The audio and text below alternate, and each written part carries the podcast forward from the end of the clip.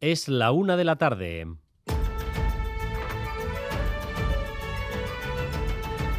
Crónica de Euskadi con Dani Álvarez.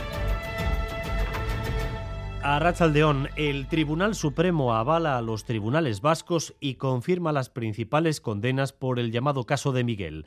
Alfredo de Miguel deberá, por tanto, cumplir nueve años de cárcel por varios delitos de corrupción.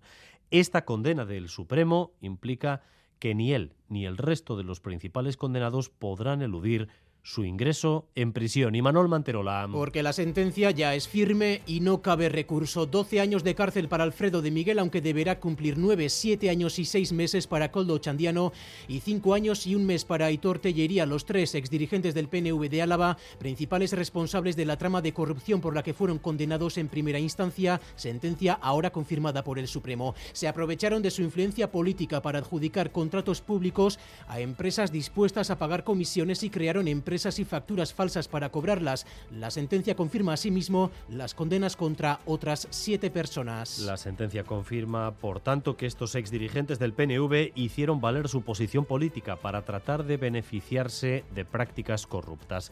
De Miguel era hasta hoy funcionario público con plaza, aunque se va a quedar sin ella por la inhabilitación. Primera reacción del gobierno vasco al conocerse la sentencia desde el gobierno vasco manifestamos nuestra intención de respetarlo, acatarlo y cumplirlo. Y como gobierno y como portavoz del gobierno muestro nuestro más firme rechazo ante unos hechos que han sido probados por este fallo y que son contrarios al ideario y a los valores éticos como gobierno defendemos. Hay más reacciones en el ámbito político vasco que enseguida les vamos a ofrecer. Pero antes, nos fijaremos en la reunión convocada en Madrid por parte del ministro de Interior con todas las policías.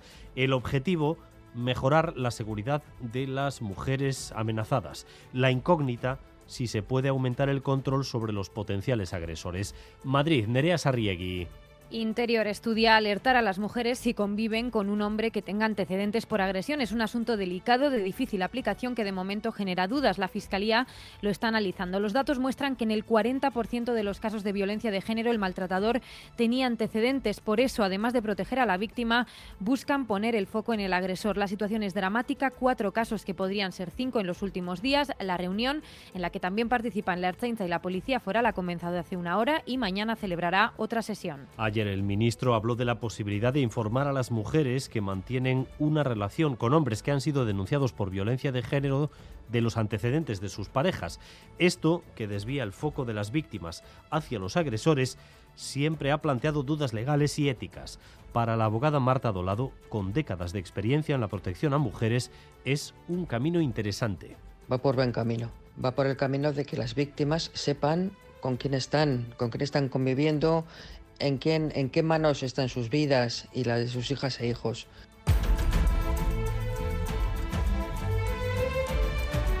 De todos los coches que se venden hoy en nuestro país, solo uno de cada diez pertenece al grupo de cero emisiones. La inversión que implica un vehículo nuevo es algo que por norma general no se aborda, salvo que sea imprescindible, y eso explica que tengamos el parque móvil más envejecido de Europa. Además, hay todavía bastante desconcierto entre los conductores a la hora de elegir. Tenemos un problema, que no sabemos qué coche comprar. Mira, yo tengo un Toyota Yaris con 14 años, tengo un Chevrolet con 12. ¿Y qué coche compras ahora? ¿Uno diésel, uno gasolina o un híbrido? ¿Esperas eléctrico?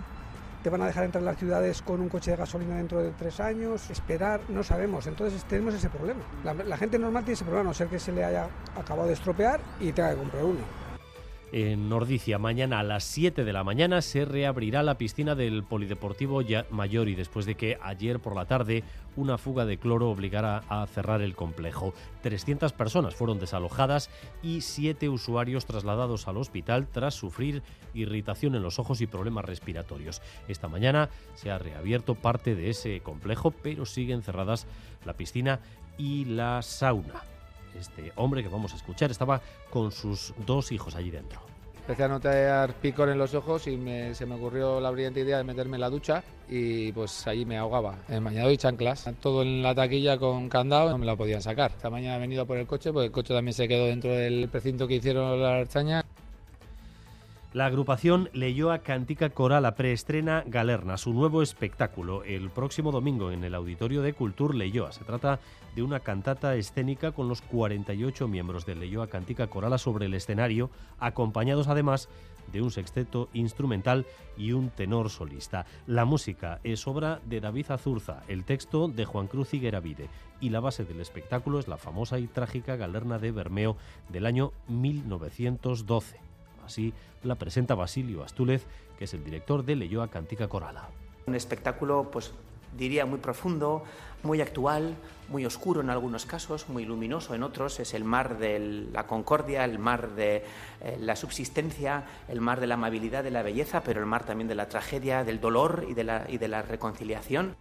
Y vamos también con lo más destacado del deporte, con Álvaro Fernández Cadierno Arrachaldeón. Álvaro. Hola Arrachaldeón, tras el empate a cero de ayer en el derby entre Atlético y Osasuna, esta tarde tenemos Copa de la Reina. En el Sadar juegan Osasuna Barça. En el Estadio de los Nuevos Cármenes se disputa el Granada Alavés y en la Euroliga de baloncesto Bayern de Múnich Basconia. Y en cuanto al tiempo de cara a la tarde, vamos a continuar con cielos despejados en la mayor parte del país. El viento sur continuará soplando e irá además ganando fuerza a lo largo de la tarde, así que este viento nos dejará temperaturas con valores más elevados que los de ayer, valores que están ya en ascenso alrededor de los 15 grados, por ejemplo, en Bilbao o en Bayona, 13 grados en Donostia y todavía las temperaturas algo más bajas hacia el interior, 7 grados en Vitoria-Gasteiz, 6 grados de temperatura en Iruña. Gracias un día más por elegir Radio Euskadi y Radio Vitoria para informarse.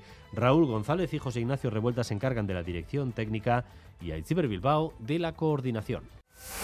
Crónica de Euskadi con Dani Álvarez.